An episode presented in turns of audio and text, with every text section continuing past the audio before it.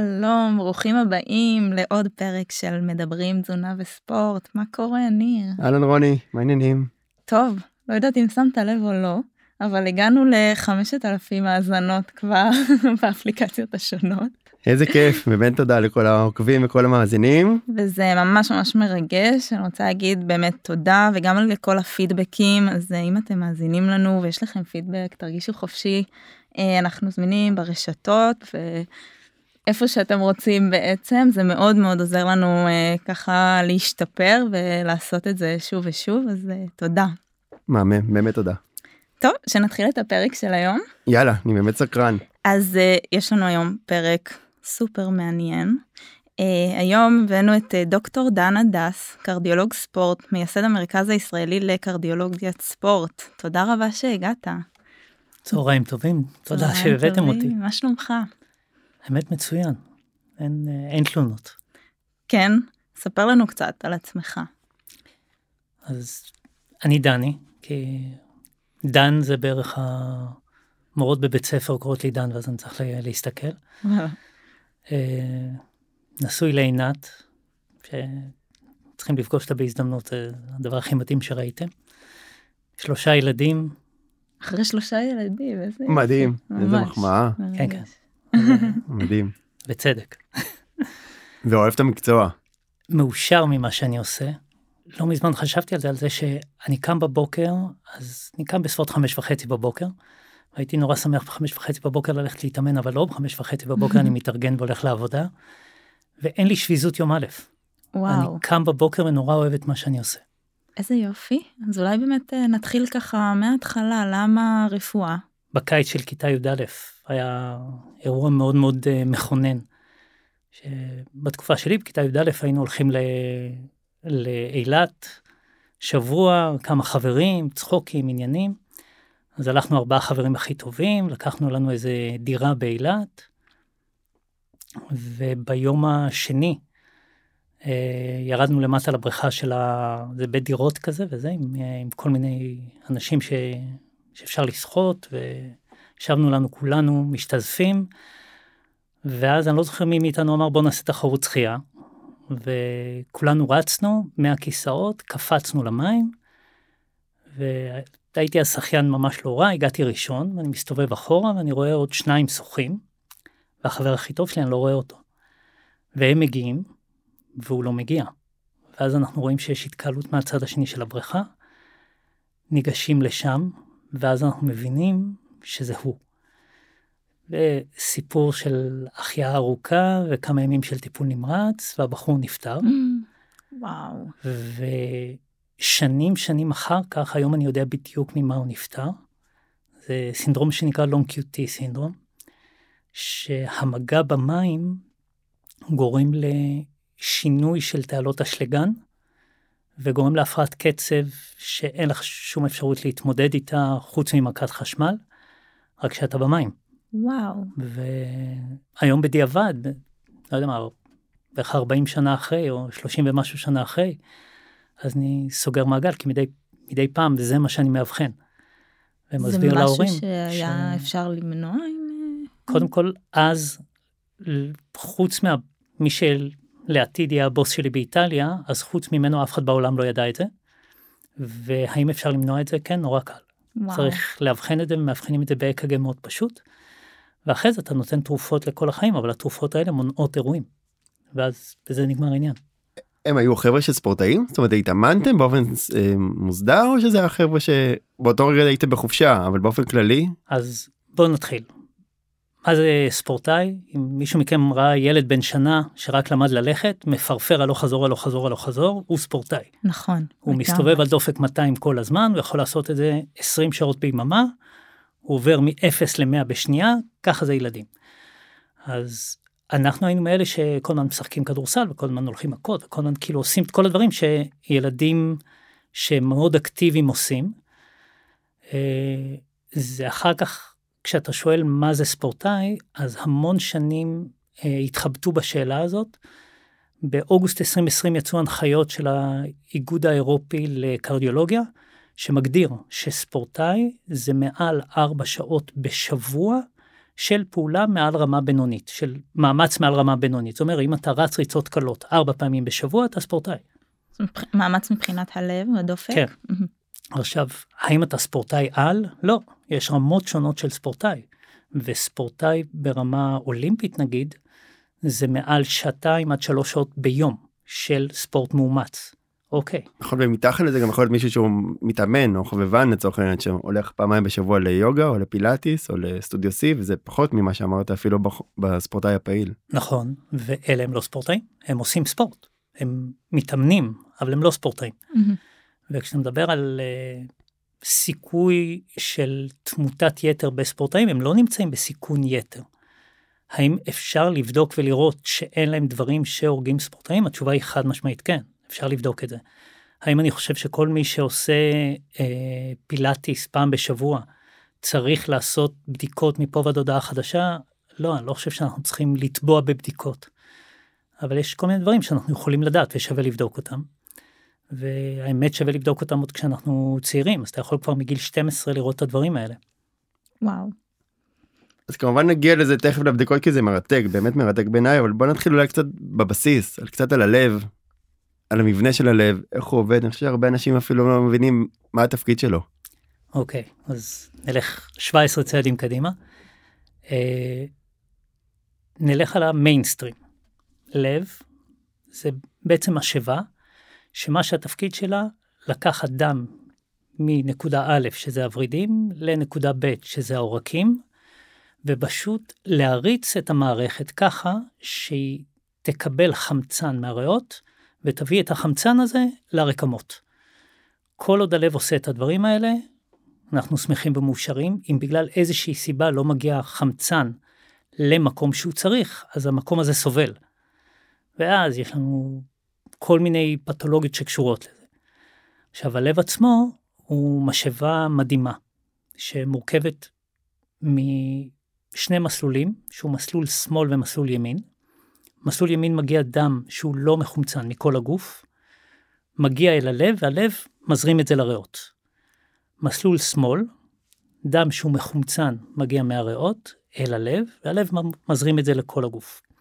אז יש לנו צורה אחת של להפריד בין צד ימין לצד שמאל. הצורה השנייה זה להפריד בין למעלה ללמטה. החלק העליון של הלב הוא שתי עליות, אז יש לנו עלייה שמאל ועלייה ימין. החלק התחתון של הלב זה שני חדרים. חדר שמאל, חדר ימין. וככה כל מדור מקבל את התפקוד שלו.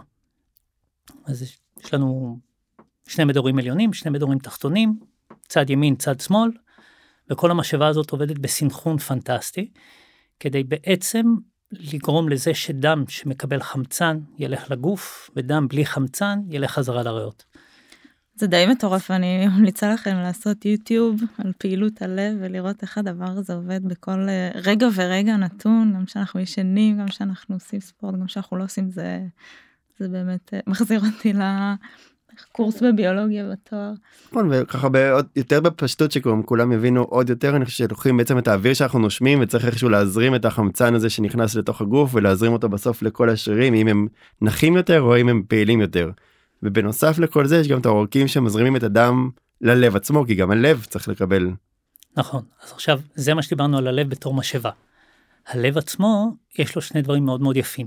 אחד זה דברים שקשורים לחשמל והשני זה דברים שקשורים לבוא נגיד אינסטלציה.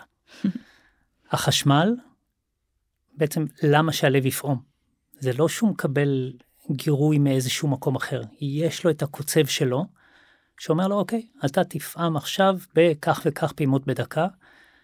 קוצב הלב הזה יודע. שלזה בעצם קוראים דופק. נכון. עכשיו, לפני שאתה מגיע לדופק, אתה צריך שהוא, שבכלל יתחיל את זה משהו. אז קוצב הלב אומר, אנחנו נעבוד בקצב ככה וככה. הוא יודע שאם אתה ספורטאי והלב שלך כבר מספיק טוב, אז הוא לא צריך לפעום 80 פעם בדקה, מספיק לו לפעום 30 פעם בדקה. וכן, שלוש, דופק 31 לספורטאי תקין. וואו. עכשיו, הוא גם יודע שברגע שאנחנו רצים, הוא מבין שאתה עושה את הפעילות ואתה צריך להזרים יותר, ותצטרך יותר חמצן בעוד דקה. אז הוא כבר מעלה את הדופק. אז כל הדבר הזה זה מערכת חשמלית שעובדת על כל מיני תעלות שונות של אשלגן ונתרן וסידן, עובד בסינכרון פנטסטי. עכשיו, הלב עצמו הוא שריר שלא מתעייף. השריר הזה עובד מהיום ה-23, כשאנחנו עוברים, 23 לחיים העובריים, ועד היום שבו אנחנו נופחים את נשמתנו ומחזירים אותה לבורא. בוא נלך לדברים טובים. נכון. אמ, אז איך אה, פעילות גופנית משפיעה על הלב? אז גם את זה, בואו נתחיל מאיזה מנטרה. כדי להגיע לגיל 80-90 במצב הכי טוב שאתה יכול, אתה צריך להפעיל שני דברים כמה שיותר. אחד זה את המוח והשני זה את הגוף. לא תפעיל את המוח, אז תגיע במצב פיזי פנטסטי ושום דבר לא יעבוד. Mm-hmm. לא תפעיל את הגוף, אז אתה תדע שאתה לא יכול לעשות כלום. Mm-hmm. נורא. חשוב לעשות ספורט, אין, זה כנראה אחד הדברים הכי טובים שאנחנו יכולים לאפשר לעצמנו. עכשיו, מה קורה ללב בזמן שאנחנו עושים ספורט? יכולים לקרות שני דברים, או קורים שני דברים. הלב, או שהוא גדל בנפח שלו, או שהוא גדל בעובי שלו. וזה כמובן תלוי בסוג הספורט ורמת הספורט ואיך אנחנו עושים, אבל הלב, מה שהוא עושה בעיקר, הוא מאפשר לנו את היכולת להזרים יותר דם פר דקה, כדי שנאפשר לנו לעשות את הדברים שאנחנו מסוגלים לעשות. ואם אנחנו מסתכלים על אנשים עם יכולות פנטסטיות, לראות אה, לוחם טייקוונדו או לוחמת טייקוונדו שמסוגלת חמש דקות של קרב, וכל מי שאי פעם עשה אמנויות לחימה יודע שחמש דקות של קרב זה, זה אנרגיות מטורפות, שאתה בועט ובועט ובועט, וכדי לעשות את זה אתה צריך שהלב יהיה מסוגל לעשות את זה. או אם זה Iron Man שמסוגל במשך כמה שעות טובות כל הזמן לעשות מאמץ, ועוד מסיים את זה עם מרתון, זה יכולות פנטסטיות. כדי לעשות את זה צריך להתאמן. אז הדופק שלהם במנוחה יהיה יותר נמוך, נכון מה שאמרת מקודם, בהכרח הוא יותר גבוה תוך כדי מאמץ? זאת אומרת אם הם צריכים להחזיק יותר גבוה? לא, אז כל אחד מסוגל, קוצב הלב מסוגל לעבוד ברמה מסוימת, וזה תלוי גיל. אז יש נוסחה כללית שמדברת על 220 פחות הגיל, שזה הדופק המקסימלי שאתה מסוגל להגיע. נשים פה סוגריים, ספורטאים מסוגלים 10% יותר. אז בוא נגיד תיאורטית, ספורטאי בן 50, אוקיי? הדופק הצפוי שאתה אומר להגיע זה 220 פחות 50 זה 170. בעצם כשאני עושה את שיא המאמץ שלי אני לא מגיע ל-170 אני מגיע ל-187 כי זה מה שאני מסוגל כי אני מסוגל 10% יותר. עכשיו אם נבין את זה גם נבין למה הבדיקות אחר כך שאנחנו עושים הן בעייתיות כי אם מישהו בא ואומר לך תעשה בדיקה ל-85% מהדופק הצפוי אז 85% מה-170 שחישבת לי זה בעצם 150. אתה לא מגרד את ה... אה, כלום, 150 בשבילי זה שני שליש ממה שאני עושה, זה לא, זה לא דופק. אז בעצם צריך להבין את ההיסטוריה של הבן אדם, להבין את רמת האימון שהוא רגיל אליה, צריך להבין ואז... הכל. רופא שמתעסק במשהו, כמו תזונאי שמתעסק משהו, כמו שמאמן שמתעסק במשהו, צריך לקחת את הבן אדם שעומד מולו, לקחת את כל מכלול הדברים. מה הוא עושה, איך הוא עושה, כמה הוא עושה, ולפי זה להבין איך הפעילות של האיבר אמורה לעבוד. אז אחת ההרצאות שאני מעביר, אני מראה אק"ג, ואק"ג זה בעצם חשמל, נכון? אנחנו קולטים חשמל שמופק מהלב ומציירים את זה בגרף. עכשיו, לא יכול להיות שאק"ג של שני אנשים שונים ייראה באמת אותו דבר. עכשיו אתה אומר, בסדר, אבל הוא ספורטאי. אבל יש ספורטאים שנראים כמו לוחם סומו, ויש ספורטאים שנראים כמו, אה, יוסיין בולט. אני לא יודע מה, יוסיין בולט בדיוק, ולא יכול להיות שהאק"ג שלהם יראה אותו דבר, כי הוא עובר רקמת שומן שונה, עם לב בגודל שונה, עם יכולות שונות, ואתה צריך להתאים כל דבר שאתה עושה לבן אדם שעושה את זה ולמה אתה מצפה או לא מצפה. ולפי זה להגיד האם זה תקין או לא תקין. אז אמרת שלב יכול אה, להשתנות בעובי שלו ובנפח שלו. אה, יש הבדל בין סוגי ספורט, אם אני עושה אירובי או אנאירובי או כוח? אז התשובה היא מאוד יש הבדל. הספורט האירובי גורם לנו, גורם לנו להגדלת נפח. הספורט האנאירובי גורם לנו להגדלת השריר. זה נקרא קונצנטרי ואקסצנטרי. שאקסצנטרי זה משהו שגדל בנפח שלו, וקונצנטרי זה משהו שגדל במסה שלו, או בעובי שלו. אז אם אני מבינה נכון, הגדלת נפח השריר זה אומר שהוא יכול להכיל יותר אה, דם בנקודת זמן, נכון? נכון. והגדלת העובי זה אומר שיש לו יותר כוח לדחוף את הדם. בדיוק. כוח של המשאבה. נכון, ואז אם אתה רוצה להגיע למקסימום יכולת של הלב, אתה צריך שהוא יהיה גם גדול וגם עבה. ואם אנחנו לוקחים את ספורטאי העל, שהם, בואו נראה, תדמיינו איזה, איזה ספורט מייצר את ספורטאי העל. וואו, זו שאלה קשה. נכון, התקלה. התקלה. האולימפיאדה כל כך מגוונת. אני מעריך שריצה תהיה... אפילו לא קרוב. כוח? חתירה. אה, ברמה הזאת, חשבתי כאילו רובי מול כוח. כן. לא, חתירה מייצרים גם נפח לב מאוד גדול וגם עובי שריר מאוד גדול. וזה אנשים, אני זוכר את הנבחרת חותרים של איטליה, okay. אוקיי. שהם, קודם כל זה מטר תשעים גובה, מטר תשעים, קרוב לשניים, סוסים עם יכולות מדהימות.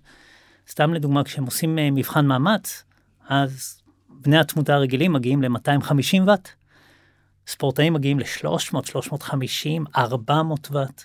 וואו. הם מגיעים ל-600. אה. זה, זה מספרים מטורפים.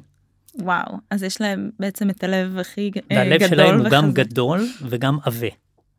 עכשיו, לכל אחד מהדברים האלה יש פרמטרים של עד כמה. אז אם לב של בן אדם נורמלי, הרוחב שלו הוא בערך 50 אה, מילימטר, אז הנבחרת האולימפית שמה, הרוחב לב של הספורטאים זה 70 מילימטר. אתה מדבר על בערך כמעט אחד וחצי מבן אדם רגיל. ואם העובי של השריר של אנשים רגילים הוא בסביבות 8 מילימטר, אז אצלהם זה 12 מילימטר. וואו. ועוד פעם פי אחד וחצי. בגלל זה אתה מבין שהיכולות שהם מסוגלים לייצר, האנרגיה שהם יכולים לייצר היא מטורפת. רוני, מפה הולכים לחתור? יש ספר מדהים שנקרא החבר'ה בסירה, חבר'ה שניצחו, אמריקאים שניצחו מול היטלר ב-1936, אני חושב שזה היה ספר מרתק, וגם מרק צוקרברג הגיע מהחבר'ה של החותרים ב... הוא חותר להצלחה. חותר להצלחה תרתי משמע, חותר לכסף. אבל זה באמת חבר'ה עם יכולות כאילו גם כנראה פיזיולוגיות אבל גם מנטליות היכולת שלנו נכון. לחתור ב... לא לבד אבל די בקור בחוץ לבד לא פשוט. לא, זה השילוב של הדברים. זה, בכלל ספורטאים זה כשאני מסתכל על ספורט אתה יודע, יש ספורט שאתה אוהב יותר יש ספורט שאתה אוהב פחות. ועדיין כשאתה רואה מישהו שהוא מושלם במה שהוא עושה לראות את מסי מכדרר עם הכדור, לראות את מייקל ג'ורדון מתעופף, לראות את יוסיין בולט רץ, זה, זה מוזיקה. ממש. זה יפהפה. חושב שבאמת דיברנו על זה קצת עם פיטר פלצ'י כמה שאנשים לא מבינים את הפער והיכולות שלהם כי זה, זה מול הטלוויזיה אתה לא תמיד זה לא תמיד עובר. היכולת של ספורטאי להגיע לרמות הגבוהות אני כמו שרוני יודע קצת אוהב אה, מכוניות ספורט וחובב ככה ללחוץ על הגז. כשאתה נוסע בחול בכמה נגיד 120 180 200 קמ"ש שאתה מבין שבפורמולה אחת הם לוקחים סיבובים ב-300 ומשהו קמ"ש זה לא נתפס. שאתה עושה משהו שהוא קצת מתקרב לאקסטרים אתה מבין איזה יכולות יש להם גם בשחייה זה ככה כמובן בהרבה סוגי ספורט היכולות שלהם הם אדירות. אז אה, דני יש לנו קרדיולוגיה שזה רפואת הלב נכון יש לנו רפואת ספורט ויש רפואת ילדים. ואתה עושה את כל הדברים האלה, נכון? הדרך היא ארוכה. אז זה הולך ככה, 12 שנות לימוד כדי לסיים י"ב, ואחרי זה 7 שנים רפואה, ואחרי זה 5 שנים ילדים, ואחרי זה 3 שנים רפואת ילדים, כן, ואחרי זה 3 אוקיי. שנים קרדיולוגיית ילדים, ואחרי זה שנתיים קרדיולוגיית ספורט, שמתוכם השנה השנייה זה זה לא, זה שנתיים אלקטרופיזיולוגיה, שנה, שנה השנייה זה גם קרדיולוגיית ספורט וגם אלקטרופיזיולוגיה. כי אחד היתרונות זה, כשאתה גר באיטליה, האיטלקים עובדים בקצב שאנחנו לא רגילים. אצלהם למשל 30 שעות בשבוע זה, זה משרה יפה. וואו, כן. כשאתה בא מהארץ ואתה עובד 70 שעות בשבוע, אז אתה אומר להם, מה 30? אני יכול לעבוד בשני בתי חולים במקביל. וואו. אז אני עובד בשני, עבדתי בשני בתי חולים במקביל, ואז uh, אתה יכול לקצר זמנים. אז זהו, אז כל השנים האלה בסוף מצטברות. אני זוכר כשהיה אה, לי פעם שיחה עם הלשכה המרכזית לסטטיסטיקה, הם שואלים אותך מלא מלא שאלות ואתה חייב לענות, ואז שואלים, אוקיי, כמה שנות לימוד יש לך? ואני אומר יש לי 29 שנות לימוד, הם אומרים, לא בן כמה אתה? כמה שנות לימוד? כן, אז לא, לא נשאל בן כמה אתה, ואני חושבת שאפשר אולי uh, לנחש, אז מה זה בעצם קרדיולוגיית ספורט? אז ככה, אחרי שהבנו שספורטאי זה מי שעושה ספורט באופן קבוע, אנחנו צריכים להבין שהלב של ספורטאים מתנהג אחרת. אז כמו שאמרנו, גם הדופק שלו יכול להיות יותר נמוך, גם העובי שלו הוא יותר גדול, גם הנפח שלו יותר גדול, הלב מתנהג אחרת. חלק מהדברים שהוא מתנהג אחרת זה שכשאנחנו מביאים את הלב למקסימום יכולת, אנחנו צריכים להבין שהוא יכול להיכשל. הוא יכול להיכשל לא בגלל שמשהו לא בסדר ממה שאנחנו עושים, אלא כי הלב שלך ספציפית לא מסוגל לעשות את זה. עכשיו, אתה לא יודע. אם אתה לא בודק, אתה לא יודע. קרדיולוג ספורט אמור לעשות שני דברים. אחד, לתת לך מין אה, פתח כזה לעתיד, ולהגיד לך, תמשיך לעשות את מה שאתה עושה, הדבר הזה עלול אותך ספציפית להרוג. או, מהצד השני להגיד לך, שאף אחד לא יגיד לך שאתה לא יכול, תעשה מה שאתה רוצה. אז באים אליי למשל... כי בדקת וראית שהכל כן, תקין. באים בעצם. למשל הורים לילדים בני 15 ואומרים, הילד הזה כל הזמן רץ, הוא רץ ונוסע על אופניים ושוחה, זה לא מסוכן לו? לא. תנו לילד לרוץ, הכל בסדר. כן. המון שואלים אותי בקליניקה, תגיד זה לא יותר מדי, זה לא יותר מדי, אני מודה שבתור ספורטאי לא ידעתי מה זה יותר מדי, עד שאני לא מתרסק ועד שהמאמן לא אומר נחים היום, לא ידעתי מה זה יותר מדי והרבה פעמים באים אליי והוא עושה המון ספורט, מה זה המון? זאת אומרת זה שעה בשבוע, שעתיים בשבוע, שלוש שעות בשבוע, אני חושב שאנחנו לא ידענו בשביל להיות פעילים עד שמתעייפים. נכון. האמת שזו אה, שאלה מעניינת כי נגיד באימוני הכוח אני מאמנת כושר גם אז אני יודעת ששריר צריך אה, מנוחה כדי להיבנות אחרי שאנחנו אה, מתאמנים.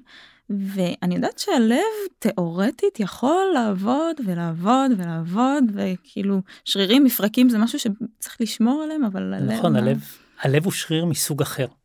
הוא שילוב של שריר חלק ושריר מסורטט הוא שריר הלב הוא עובד אחרת הוא עובד עם פוטנציאלים חשמליים בצורה אחרת.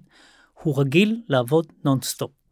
עכשיו אם תיקחו סתם לדוגמה מכונית הרי מכונית אם אתה לא מניע אותה במשך שנה ואתה רוצה אחר כך להניע זה לא יעבוד. Mm-hmm. כי היא צריכה, המנוע הזה צריך לעבוד. אותו דבר הלב שלנו, הוא חייב לעבוד. עכשיו, יש תיאוריה נורא יפה שאומרת שאתה חי כך וכך פעימות במשך כל החיים. ואז אומרים לי, מה, אז אם אני רץ בעצם, אני מעלה את מספר הפעימות, אני חי פחות. אתה אומר, לא. ככל שאתה עושה יותר ספורט, אתה הרי עושה פיקים של ספורט. והבסיס שלך, הדופק יורד. אז אתה חי יותר שנים. אה, כי הטוטל שלך הוא יותר פעימות שהרווחת. רוב הזמן אתה לא בדופק כל כך גבוה, רוב הזמן אתה נח, ואז בעצם הדופק יותר נמוך. הספורט מנמיך את הדופק במנוחה נכון. בעצם. אה, גדול. אז אני רגע חוזרת, זה במצב אופטימלי, אני רגע חוזרת למה שיכול להשתבש בעצם. אז אנחנו מדברים על משהו מולד, משהו שיכול... אה, אז את זה מחלקים לשתיים פעמיים. יש לנו דברים מולדים, יש לנו דברים נרכשים, יש לנו בעיות מבניות ויש לנו בעיות חשמליות. אוקיי? אז בואו, עכשיו זה, זה גם מאוד שונה לפי גיל וכאלה, אבל בואו נתחיל כדי להבין על מה מדובר. אז מבחינת מבנה, אז אמרנו, יש לנו דברים מבניים שהם בעיה נרכשת, ודברים מבניים שהם בעיה מולדת. אז יש כל מיני מחלות שהן מולדות. זה נקרא קרדיומיופתיה. קרדיו, לב, מיו, שריר, פתיה, לא תקין. אז כששריר הלב לא תקין.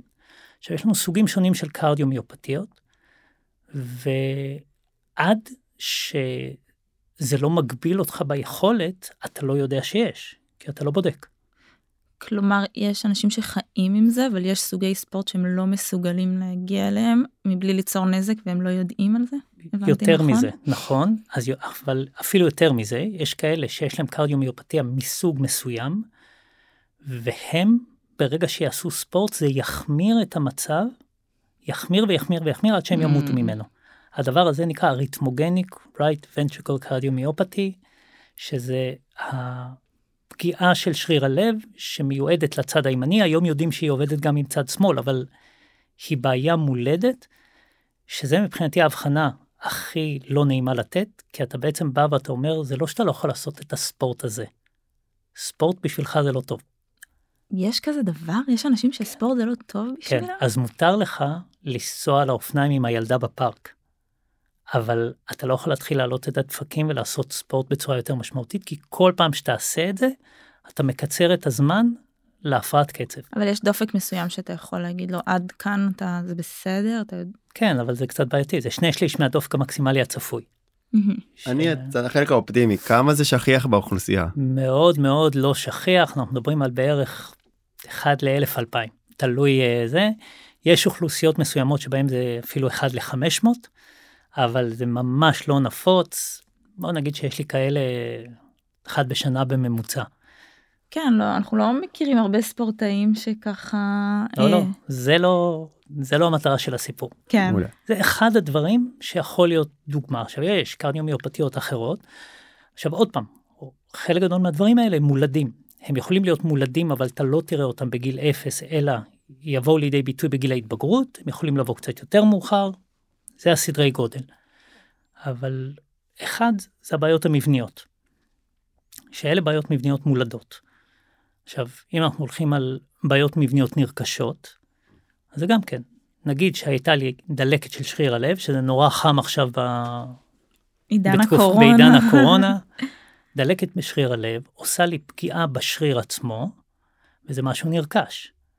יש עוד מחלות נרכשות, יש מחלה שנקראת קוואסקי, שגם זה עד לפני שנתיים אף אחד לא ידע על מה אני מדבר, חשבו שאני מדבר על אופנועים, וזה מחלה שהיא יותר של ילדים, שבאים, שבה נפגע גם שריר הלב, בעיקר העורקים הכליליים, אבל זה דברים נרכשים. זה משהו שקורה לנו עם הזמן. יש דברים נרכשים שקורים בגיל היותר מאוחר, נגיד מ-30 ואילך, שזה כל הסתימות של העורקים למיניהם, שזה דברים שהם, שהם מכניים, אבל גם כן, זה בעיה מבנית.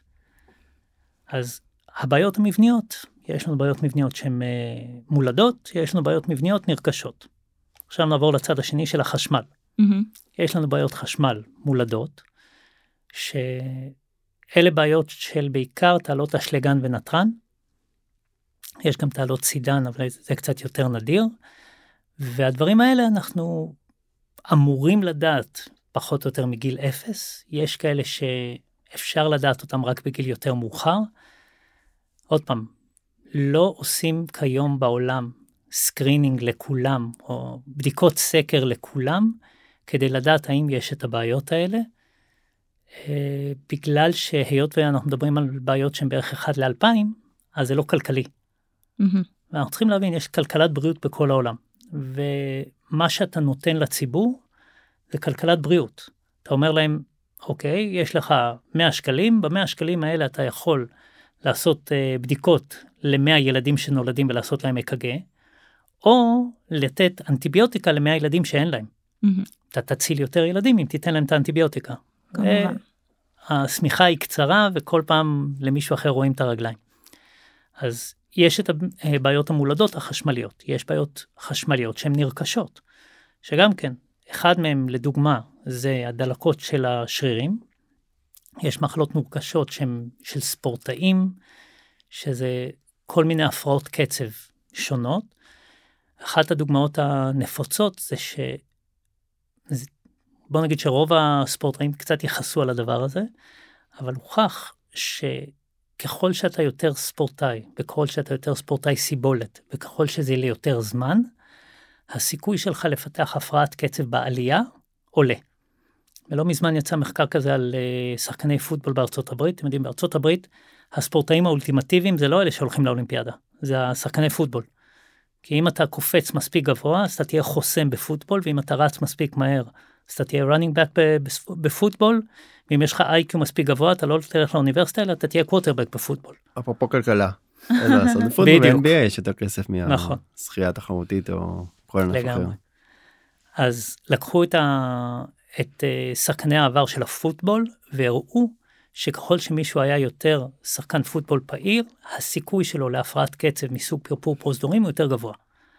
וזה נרכש. זה נרכש כי העלייה גדלה, כי מול הרבה לחץ ומול הרבה זרימות דם, וכששריר גדל וגדל בצורה יחסית לא פרופורציונית, הוא, הוא פרופורציוני לתקופה שהוא בא עשה את הספורט המקסימלי, אבל זה נשאר איתו גם אחר כך. אז בשלב מסוים השריר הזה מתחיל לעשות כל מיני הפרעות קצב מוזרות. אז גם זה קיים. ואנחנו יודעים, ספורט זה לא תמיד הדבר הכי טוב בעולם. שגם זה, יש לנו מין עקומה כזאת. אה, תדמיינו לכם עקומת פעמון. אני חושבת שהרבה אנשים ישמחו לשמוע את זה עכשיו בבית, לא, לא. אבל שלא יבינו אותנו לא אז נכון. שיבינו הפוך, עוד פעם. אם אתה רוצה לעשות ספורט בשביל הבריאות נטו, אז ספורט שהוא שווה ערך לשבעה וחצי קילומטר ריצה, קלה פלוס, פעם, בשב... פעם ביום במשך שבוע, זה הדבר שיגרום לך הכי הרבה לאריכות חיים. וואו. אם אתה עושה פחות מזה, עד רמת הקאוץ' פוטטו שיושב ורק עם השלט, אז הסיכון שלך עולה. מסתבר שאם אתה עושה יותר מזה, אז גם כן הסיכון שלך עולה. שזה השחקני אבל- פוטבול. שחקני פוטבול, האולטרה מרתוניסטים, כל האנשים שעושים באמת ספורט כדרך חיים של אימונים של 3-4 שעות כל יום, אימונים עצימים, אז הם בסיכון תמותה יותר גבוה מאלה שרק רצים 7.5 קילומטר ביום. עדיין הם יותר נמוך מאלה שלא עושים כלום. אוקיי. אז אם יש לך לעשות ספורט במקסימום, או לשבת ולגדל קרס, עדיף לעשות ספורט במקסימום. שמעתם? קומו מהספה. אמ, טוב, האמת שזה, זאת אומרת, אנחנו רגילים לחשוב שספורטאים זה, זה אנשים אה, בריאים, ו, ופתאום אנחנו שומעים על הספורטאי, אדם צעיר שהתאמן למרתון, וחטף התקף לב, או משהו קרה, ועד עכשיו הייתי תופסת את הראש, אמרת, איך זה יכול להיות? הוא רק בן 30, ועכשיו אני מבינה אה, קצת יותר טוב את הסיפור הזה. שאלה מה אפשר לעשות. האמת, זה משהו שהוא יחסית פשוט. כי הדברים האלה נבדקים כבר שנים, ואחד ה... המקומות פורצי הדרך בדבר הזה זה באיטליה, שזה הסיבה גם שנסעתי לשם להתמחות. ובעיר שבה אני התמח... התמחיתי, בפדובה, הוציאו מחקר כבר ב-2006, שבו הראו שבזכות חוק הספורט האיטלקי, הם הצליחו להוריד תמותה של ספורטאים בכמעט 90 אחוז, 89 אחוז. אמרו, הגיעו למצב כזה שאמרו שהחוק שבו הם עושים את הבדיקות של הספורטאים הוא כל כך טוב, שלמה לא עושים את זה לאנשים שהם לא ספורטאים. ואז הגענו למצב שבו כל ילד מגיל 12 באיטליה שרוצה לעשות חוג של ספורט, חוג. הבן שלי שיחק פריסבי, אוקיי? חוג של ספורט חייב לעשות את הבדיקות. ואם אתה משכלל אותם עוד טיפה, שזה השלב שאנחנו מגיעים אליו עכשיו, אתה לומד שכדי להוריד בערך 90% מהתמותה, אתה צריך לעשות כולה שלושה דברים. אתה צריך לעשות אק"ג, אתה צריך לעשות אקו לב, אתה צריך לעשות ארגומטרי לשיא מאמץ. לבריאות. סתם. לבריאות. רק שנבין מה זה, מה זה אקו- אקו לב לצורך העניין, לעומת האק"ג. מילה אחת לפני, שהדבר הכי חשוב, שמי שיראה את הדברים האלה, הוא מי שמבין בדברים האלה. אז הדבר הראשון שצריך זה אק"ג. ובאק"ג לא מספיק רק לראות שיש קווים קווים, אתה צריך גם למדוד את המרווחים. נחזור לנתון שלי מפעם, באק"ג פשוט, אתה מודד את ה-QTC, QT corrected, ואז זה מרווח שבין אה, פיק אחד לסוף גל שני, המרווח הזה, אם הוא רחב מדי או צר מדי, אומר לך שהסיכוי להפרעת קצב מסכנת חיים הוא מאוד גבוה. ואם החבר שלי לפני אה, 30 שנה היה עושה את זה, אז היינו רואים שזה לא תקין. אני אפס- אפשט את זה ברמה של העם, זה כאילו הבדיקה החשמלית לצורך העניין, ה-AKG ייתן לנו יותר את התמונה של החשמל בלב. נכון, אוקיי. נכון מאוד. אז אק"ג נותן לי חשמל בלב במנוחה. השלב הבא זה אקו לב במנוחה. אקו לב מסתכל לי על המבנה, שמבנה אומר לי גם מבנה של השריר, גם להסתכל על העליות, על החדרים, על המסתמים, וגם להסתכל על העורקים הכליליים, העורקים האלה שמספקים דם ללב, ולראות שכל אחד יוצא מהמקום שהוא אמור לצאת. שזה דבר שלא כולם מסכימים שמסוגלים לראות, וזה לא נכון. כל קרדיולוג, היכולת שלי ללמד אותו לעשות את זה ולראות את מה שאני רואה, ייקח לי בערך חצי שעה. אז כולם יכולים לעשות את זה. אה, זה בעיה שלא מחייבים את זה עדיין. אה, נגיע לזה. לא מחייבים ולא מכוונים לשם, אני חושב שכל זה צריך לכוון ואז אה, אולי יותר היענות. יש הבדל בין נשים לגברים, בין ילדים למבוגרים? כן, יש המון המון הבדלים. עוד פעם, כמו שאמרתי בהתחלה, שאתה צריך להסתכל על הספורטאי כמשהו כולל, אז חלק מהעניין, אתה יודע, זה מה עושה הספורטאי ואיזה ספורט הוא עושה, אבל יש הבדלים ענקיים בין ילדים למבוגרים. יש הבדל גדול בסיבות לתמותה או הסיבות להיפגעות עד גיל 50 ומגיל 50, כשבוא נגיד 35 עד 50 זה מין איזה אזור שמתחלף בין הצעירים למבוגרים. אז חבר'ה מתחת לגיל 35 מתים בדרך כלל מסיבות מולדות. האלה מעל גיל 35 ובעיקר מעל גיל 50 מתים מסיבות נרכשות. אה, נשים מתות הרבה הרבה הרבה פחות מגברים. עכשיו, אתה יכול לבוא... אתה יכול לבוא ולהאשים את הסטטיסטיקה, כי גברים עושים הרבה יותר ספורט תחרותי מאשר נשים. זהו, הרמת ואז הורדת. עד שאנחנו יותר טובות יש יתרון, יש יתרון. לא, הרי יש המון. נשים מתות פחות, נשים שורדות יותר, אין מה לעשות, נכון. face it. אה, כל סטטיסטיקה של כל דבר, נשים הם בדיליי של בערך עשר שנים תמותה מגברים. אז אם אתה מסתכל על נשים בנות אה, 50 וגברים בני 50, אז המצב של הלב של נשים יגיע למצב הזה כשהם יהיו בנות 60. וואו, זה קטע מעניין, כי נשים מזדקנות, מתחילות את כאילו גיל הזקנה קצת אה, מוקדם יותר, נכון? שזה הם, אה, תלוי באיזה... שורדות אותנו בלי בעיה, אנחנו אלה שבסוף אה, הולכים למטה. טוב, אז, אז למי בעצם מומלץ אה, לעשות בדיקות? כל מי שעושה ספורט מעל ארבע שעות, אה, ספורט בינוני ומעלה מעל ארבע שעות בשבוע, נכון, ללא יוצא מן הכלל. נכון, מי שמתאמן, נשים, גברים וטף. נכון, ואז השאלה היא מאיזה גיל. זה גם כן שאלה מאוד טובה, שעוד פעם, בית הגידול שלי מדבר על מגיל 12 והלאה. מה אתה עושה עם מי שעושה אה, התעמלות אומנותית והיא ילדה בת 6? אז אתה יכול לבדוק אותה. ואם תבדוק אותה, אז חלק גדול מהדברים אתה כבר יכול לדעת בגיל 6. האם אני חושב שכל ילדה בת 6 צריכה להיבדק? לא. אני חושב שצריך לשים איזשהו cut-off ולהגיד, זה יותר מדי בדיקות שבהם אני לא אמצא כלום, ולכן לא צריך. עכשיו, לפני שנתיים יצא מחקר מאוד מאוד גדול שאומר מה הסיכון לתמותה של ילדים מבעיות לבביות.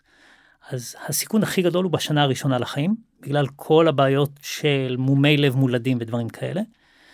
ואז זה יורד בצורה מאוד משמעותית עד אזור גיל 7 עד 9, מגיל 9 זה מתחיל לעלות, עולה טיפה ל עד גיל 13, ומגיל 13 זה מתחיל לעלות בצורה משמעותית. ולכן ההיגיון אומר שפחות או יותר מגיל 12 שווה להתחיל לבדוק. יש ככה סטטיסטיקות של מה השכיחות של כל המומי לב, נרכשים מולדים, עד כמה צריך המון לרוץ לקרדיולוג לא, מחר. לא. אה? עוד פעם, המטרה היא לא להפחיד. כן. נחזור חזרה על המנטרה שאומרת שכל אחד צריך לעשות ספורט. והמטרה שלי, כשאני מדבר עם ספורטאי, ורובם מפחדים כשהם מגיעים כי הם מפחדים שאני אגנוב להם את הספורט. אז לא. אם אני חושב שהספורט יהרוג אותך, אז אני אספר לך את זה, ושנינו נגיד איזה מזל שידעת, כי אתה יודע לצפות את מה יהיה בעוד חמש או עשר שנים קדימה. ואם אני חושב שהספורט לא יהרוג אותך, יקירי, תעשה כמה ספורט שבא לך. אז המטרה היא פשוט לראות מה צופן העתיד, ויש לנו את האפשרות לראות את זה, ולכן זה כל כך חשוב. היה ומצאת איזשהו פגם, אה, מולד או נרכש, אז אה, דינו של אותו אדם זה לא לעשות ספורט? לא, שכן? לא, לא, ממש ממש לא. רוב הדברים אתה, אתה מכוון אותו לאיזה ספורט הוא יכול ואיזה ספורט לא. לדוגמה, יש לנו מסתם של אבי העורקים. המסתם של אבי העורקים אמור להיות עם שלושה עלים. יש כאלה שיש להם שני עלים. השני עלים האלה, זה שזה שניים ולא שלושה, גורם לשלושה דברים. אחד, זה גורם להצרויות שם, ואז יש לנו זרימה מואצת. שתיים, זה גורם לדליפות מהמסתם הזה, ואז יש לנו הגדלה של החדר בגלל הדליפות. ושלוש, בגלל שהמסתם הוא קצת מוזר, זרימת הדם דרכו היא יותר מדי לצד, והיא פוגעת באבי העורקים, ואבי העורקים עלול להתרחב. אז יש לנו שלושה דברים. ואז אתה בא ואתה אומר לספורטאי, אוקיי, יש לך מסתם כזה. הבנו. עכשיו אתה יכול להחליט מה אתה רוצה לעשות בחיים, כי אתה עכשיו בן 15, ואם מה שאתה אוהב זה רק להרים משקולות, אז לא. עדיף לך ללכת לשחייה, עדיף לך להתאמן בריצה. אתה יכול לכוון את הספורט שלך למשהו אחר. וכשאתה צעיר, לכוון אותך לספורט אחר זה קל. מהמם. עכשיו, גם זה תלוי מי עושה מה. הגיע אליי בחור עם מסתם שהוא, שהוא כזה מצ'וקמק כזה, לא מאוד מצ'וקמק, רק קצת, ומה שהוא אוהב לעשות זה powerlifting. הבחור מניף 160 קילו, זה מה שהוא אוהב לעשות. ובאו ואמרו לו, אסור לך להרים יותר מחמישה קילו. שזה לא נכון. וואו, חמישה. אתה אסור לך להרים ברמה כזאת, שבו אתה תצטרך, יש לי חבר שקורא לזה את הגרוש ללירה. שתצטרך לעשות את התנועה הזאת, את, ה... את הדבר הזה, שכל אחד מאיתנו חווה בהרמה האחרונה שהוא עושה של משקולת, או בפעם האחרונה שהוא עולה מתח, או הסקווט האחרון, או לא משנה מה, האחרון הוא תמיד כאילו עם המאמץ הקשה. אז מה שאתה מסוגל לעשות יותר מעשר חזרות, הוא לא מאוד קשה לך, ואתה יכול עם זה להתאמן. אז אני אומר לו, אוקיי, כמה משקל אתה מסוגל להרים מעשר. חזרות? הוא אומר לי 100 קילו. אמרתי יפה, אז אתה יכול להרים 100 קילו. כי באחד הרעיונות אמרת שלספורטאי הספורט זה החיים. אני אלך שנייה לכיוון השני דווקא כאלה לא, ש... לא מתאמנים כאלה שלא עושים כלום ופתאום מתחילים. כי עכשיו דיברנו על, בס- על ספורטאים וכאלה שמתאמצים ונהנים מזה. בוא נלך שנייה לחבר'ה שלא מתאמנים ופתאום התחילו ואולי נוסיף לזה גם איזה עודף משקל. אז יש לנו שני סוגים. יש לנו את אלה שעד עכשיו לא עשו כלום ועכשיו הבינו שהם צריכים לעשות שינוי, והם הולכים לדיאטן, שהדבר הראשון שהוא אומר להם, אוקיי, צריך להתחיל לאכול בצורה נורמלית וצריך לעשות ספורט. אומרים, אוקיי, יאללה, קדימה, בוא, אני עכשיו הולך, יש לי חברים שהם בקבוצת אה, ריצה או בקבוצת אופניים, אני בשבת הולך לעשות את זה. הלוואי. Weekend Warriors, פחד אלוהים. זה... כי אז אתה מבקש מהלב לעשות דברים שהוא לא מסוגל לעשות, הוא לא צפוי לעשות, ואז הסיכון שלך הוא הרבה יותר גבוה. אנשים שלא עשו ספורט, מאוד חשוב שיבדקו לפני, כדי לראות שהלב שלהם מסוגל להתמודד עם זה. עכשיו, זה... הבדיקות האלה נותנות לך את האם הלב שלך נפגע מצורת החיים שלך עד עכשיו, שזה נישה אחת, והנישה השנייה, האם הלב שלך במקור לא אמור לעשות את הדברים האלה. שעוד פעם, זה המיעוט של האנשים. שוב, נחזור חזרה, ספורט זה טוב, זה טוב, זה טוב, זה טוב, זה טוב. מעולה. אולי אני אקח את זה קצת למקום של תזונה. יש הרבה מחקרים מקפה ל... לתזונה כזו או אחרת אם זה תזונה יותר אה, ים תיכונית. האם יש כמה קשר מתחברת איפה מתחברת התזונה לרמה של כמובן פעילות חשמלית של הלב פחות אבל מה כן אז ככה, קודם כל התזונה היא מה שמאפשרת לישראל להיות במצב כל כך טוב מבחינת אה, אירועים לבביים. אז כל מה שקשור להתקפי לב וכל הדברים האלה, והתזונה הים תיכונית שלנו היא באמת מאוד מאוד טובה. אה, ויש את הנושאים של ספורטאים שבאים ואומרים, רגע, אם אני לוקח עוד קצת חלבון, זה בסדר? אם אני לוקח עוד קצת מגנזיום, עוד קצת כל מיני דברים. אז יש דברים שהם נורא חשובים לספורטאים, שזה השינויים האל- האלקטרוליטריים, המלחים, שינויים של מלחים יכולים לעשות לנו הרבה בעיות לבביות. שעוד פעם, אני אדבר רק על הדברים הלבביים כי קטונתי, אז יש המון אנשים שהסיכון שלהם להפרעות קצב עולה בזמן שהם מיובשים. סינדרום כזה שנקרא ברוגדה, שאחד הדברים הכי חשובים זה לשמור להם על רמת מלחים טובה. ואתה אומר להם, חבר'ה, מותר לכם לעשות ספורט, אבל נורא חשוב לשמור על הידרציה טובה בזמן הספורט. אז זה דבר אחד. יש את הדברים התוספים, שזה להוסיף נוזלים אבל אנחנו מדברים בעצם להוסיף כנראה נוזלים ביחד עם מלחים נכון, ולא ההפך לא רק מים מים ומים שבעצם ידלל את כמות המלחים. בדיוק. אז זה דבר אחד. דבר שני, יש את התוספים שכולנו אוהבים. בואו ניקח קצת קפאין, קצת לתת בוסט למערכת, לשפר לי את היכולות. אפס אה, הוגדר ונמצא ונחקר מיליון פעם. קפאין עושה הפרעות קצב. וואלה. כן, אוי מבאס. ואבוי. ולמי הוא עושה הפרעות קצב בצורה מאוד משמעותית? לילדים. אוקיי. אז כשבעיקר אתה לוקח את בני הנוער, ובני הנוער לומדים מאיתנו המון, והם אומרים מה אני בקבוצת טריאטלון וכל אחד לוקח איזה ג'ל אנרגיה לפני אז יש לי שם קצת אה, סוכרים וקצת מלחים וזה יופי של דבר כן ויש לו גם המון קפאין. ואז הם מגיעים עם הפרעות קצב. אז לילדים נורא חשוב להימנע מקפאין. למבוגרים אתה צריך לבדוק אינדיבידואלית מה זה עושה לך. אם הקפאין לא עושה לך הפרעות קצב, אז הסיכון שהוא יעשה הוא לא גבוה. וצריך מאוד להשגיח על זה. עכשיו, גם אם הוא עושה, הסוג של הפרעות קצב שהוא עושה הם בדרך כלל הפרעות קצב עלייתיות, שהן לא דבר מאוד מסוכן פר הפרעת קצב. הם כן יכולים להיות מסוכן בהמשך, אבל סוג הפרעת הקצב עצמו הוא לא מסוכן. ויותר מזה, לזכור שאם אתה רץ, או לא משנה איזה פעילות אתה עושה, ופר אותה פעילות, הדופק שלך הוא הרבה יותר גבוה ממה שאתה חושב שהוא אמור להיות, ולכל אחד מאיתנו יש את השעון שהוא רץ איתו, אז אם הדופק עלה בצורה שהיא לא צפויה, תחפש את ההפרעת קצב בעיקר ממקור עלייתי. ואז תחפש מה אכלת קודם. כן, או שתית. אני מודה שבעניין של ילדים ובני נוער אני מאוד קשוח עם הקפה כאילו כל מי שמגיע אליי לקליניקה הוא יודע שקפה מבחינתי זה מחוץ לתחום באמת עד גיל אני משתדל עד 18 תלוי גם בספורט וכמה הם ספורטאים וכמה הם תחרותיים אבל ספורט גם ברמה של צמיחה גדילה התמכרות בסוף זה איזשהו סם. עד לפני לא הרבה מאוד שנים 3-4 כוסות קפה והיו פוסלים באולימפיאדה.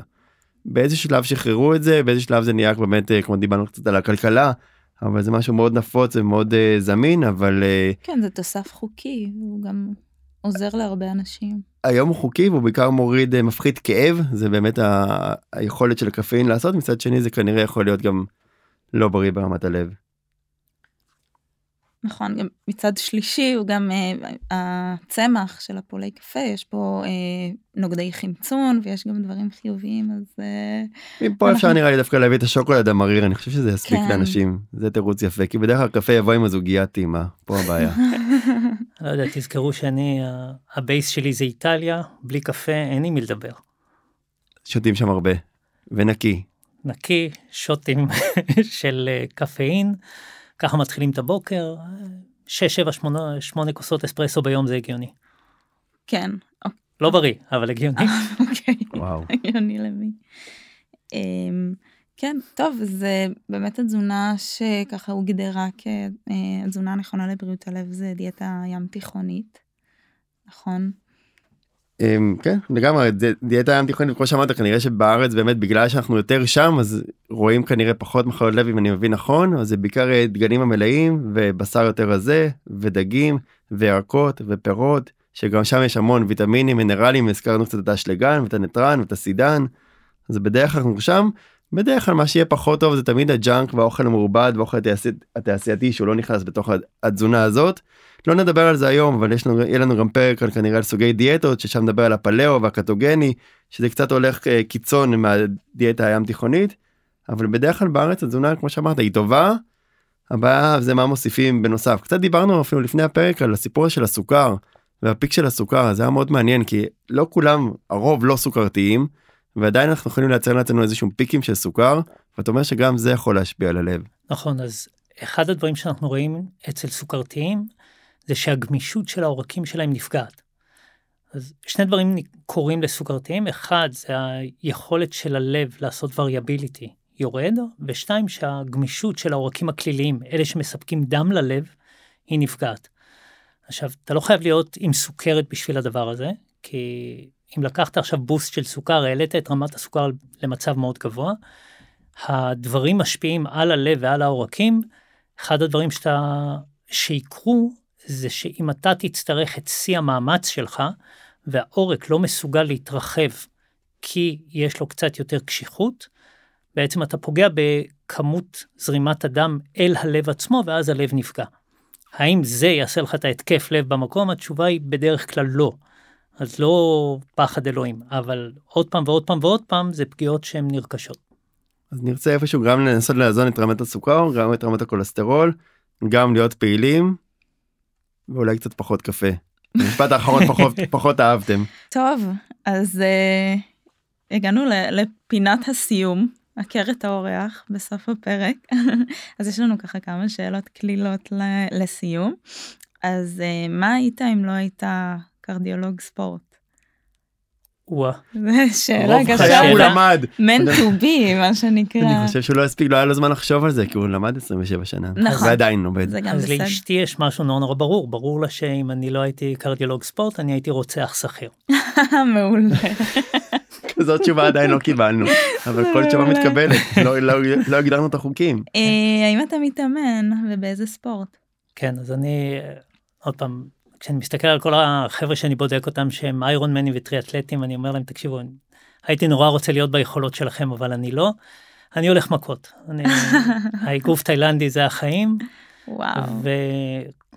וגם זה, בוא נכניס פה את אשתי לעניין, כל פעם שאני קצת יותר מדי עצבני, לך תרביץ לעץ, תחזור אחר כך. תרביץ לאיזה שק. גם בחו"ל הצלחת לעשות? כן. כן. עצים יש בכל מקום. קצת כואב על במיוחד העץ, לא. צריך... לעץ, הרבה פחות לעץ, כואב. מסכן. בחו"ל- בחו"ל עשיתי קצת יותר קרוספיט, כי זה היה הדבר ש...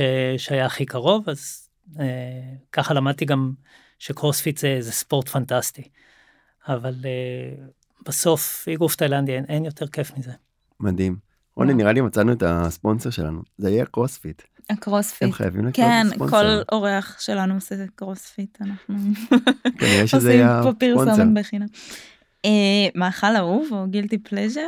בשר, וואו. סטייקים, סטייקים. סטייקים, כן, אני, מבחינתי בוקר, צהריים, ערב זה יכול להיות סטייקים, זה בסדר גמור. איזה כן, כיף, מפתיע, זה- סוף סוף לא מישהו עם נכון. שוקולד. נכון. טוב, אז אה, דוקטור דן הדס, תודה רבה שהגעת, היה ממש מרתק. היה לי כיף. ונעים. אז אה, תודה, ושוב תודה ותודה לכל מי שמאזין לנו. ביי. ביי. ביי ביי.